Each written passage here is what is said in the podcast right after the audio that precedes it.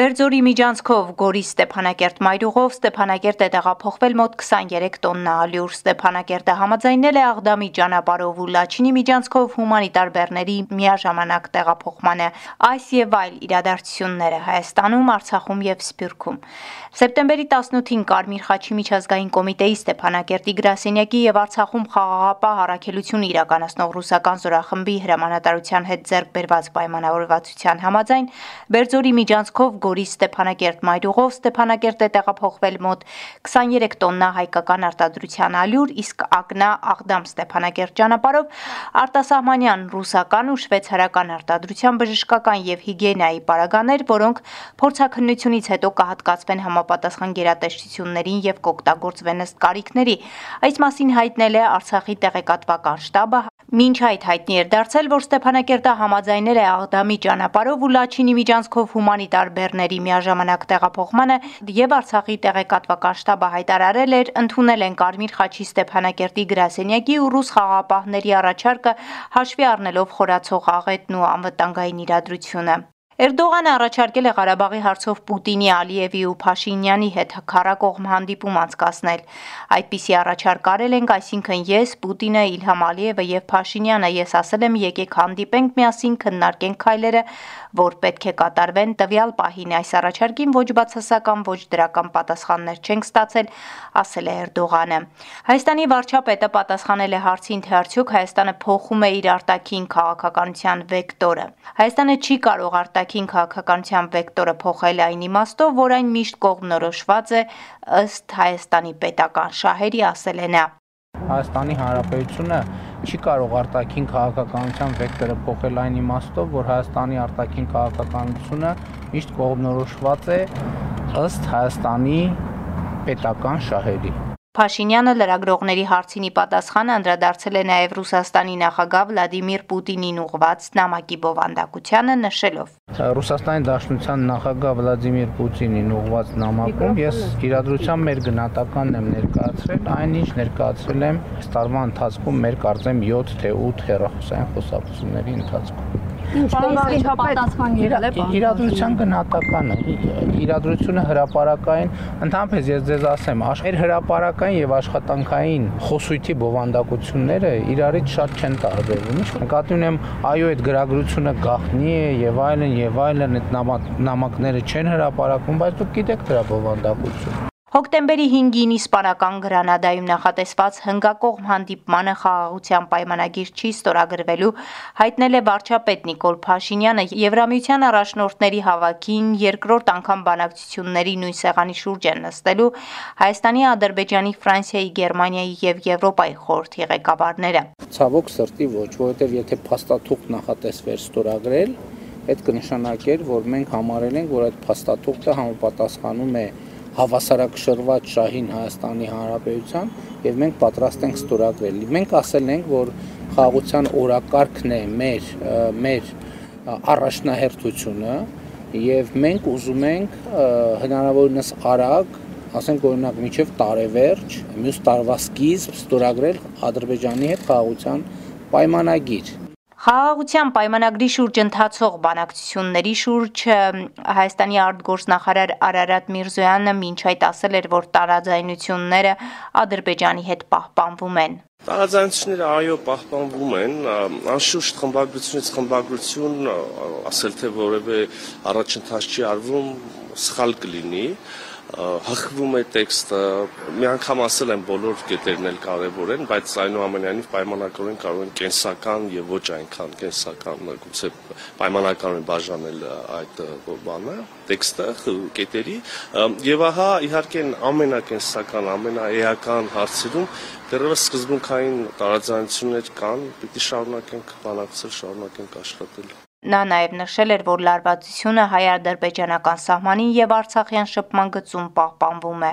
Լարվածությունը իհարկե պահպանվում է։ Ստեղծան մենք միշտ էլ ասել ենք, որ Ադրբեջանը այսպիսի անկանխատեսելի պահվածքի պարագայում միշտ պետք է սпасել լարվածություն, ընդ որում թե Լեռնային Ղարաբաղում, թե Հայաստանի Հանրապետության սահմաններին մենք տեսել ենք մի քանի անգամ ներխուժումներ Հայաստանի Հանրապետության տարածք, այդ թվում մեկ տեղ առաջ գրեթե այս օրերին սեպտեմբերի 13-ին եւ Հայաստանի տարածքների օկուպացիա եւ նաեւ անընդհատ սպառնալիքներ, ատելության խոսք, նաեւ Լեռնային Ղարաբաղի նկատմամբ հումանիտար աղետը եզրին են հասցրել ըստեյության Լեռնային Ղարաբաղի բնակչությանը եւ այո, լարվածություն միշտ սպասում ենք։ Հիմա հարցնեք ինչ ենք անում, ակտիվորեն աշխատում ենք բոլոր միջազգային գործընկերների հետ, վստահ եմ հետևում եք, տեսնում եք եւ հայտարարությունները եւ կոչերը իհարկե նաև իրավական որոշումներ արդարացան միջազգային դատարանի պետք է շարունակենք այսպես աշխատել մինչև որ կառուցողական դաշտ գա Ադրբեջանը, որովհետև մենք Հայաստանի կողմից վստահաբար ուզում ենք խաղաղություն, բայց ուզում ենք երկարատև խաղաղություն եւ ուզում ենք տարածքային ամբողջականության ճանաչում, բայց այո, փոխադարձ, որովհետև գիտեք, Ադրբեջանը մեր սահմանները պետք է ճանաչի, կա այդպիսի պայմանավորվածություն բայց մինչ օրս Ադրբեջանի նախագահ հրաժարվում է այդ մասին հրապարակային հայտարարություններ անել եւ այլն եւ այլն։ Հայաստանի եւ Ադրբեջանի արտգործնախարարների միջև երկկողմ հանդիպում այս պահին օրակարգում չկա, հայտարարել է Հայաստանի արտգործնախարարությունը Միջև սեպտեմբերի 24-ը Հայաստանի արտաքին գործերի նախարար Արարատ Միրզոյանը կգտնվի Նյու Յորքում։ Միրզոյանը մասնակցելու է ՄԱԳ-ի գլխավոր ասամբլեայի 78-րդ նստաշրջանի բարձր մակարդակի քննարկումներին եւ միջոցառումներին։ Արտգործնախարարությունը նշում է, որ նախատեսվում են Միրզոյանի մի շարք հանդիպումները ՄԱԿ-ի եւ այլ երկրների գործընկերների հետ։ Երևանի ավականու ընտրությունների նախնական արդյունքներն ամփոփվել են Անցողիկ շեմը հաղթահարել է 5 քաղաքական ուժ, իշխող քաղաքացիական պայմանագիր կուսակցությունը, ազգային առաջընթաց, հանրային ձայն եւ հարապետություն ընդդիմադիր կուսակցությունները,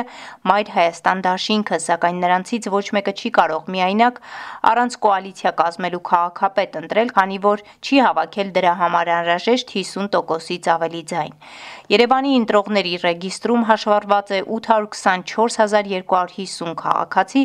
քվեարկությանը մասնակցել է 234533 քաղաքացի կամ ընտրական իրավունք ունեցողների 28.46%-ը, սա մասնակցության բավականին ցածր ցուցանիշ է համարվում։ Արցախ Կարմիր խաչի միջազգային կոմիտեի կողմից Աղդամ Ստեփանակերտ ճանապարհով տեղափոխվել են բժշկական եւ հիգիենայի պարագաներ, որոնք ներկայումս գտնվում են Կարմիր խաչի պահեստում։ Դրանք Արցախի կառավարությանը կփոխանցվեն միայն համապատասխան փորձակնությունն անցնելուց հետո հայտնել է տեղեկատվական շտաբը։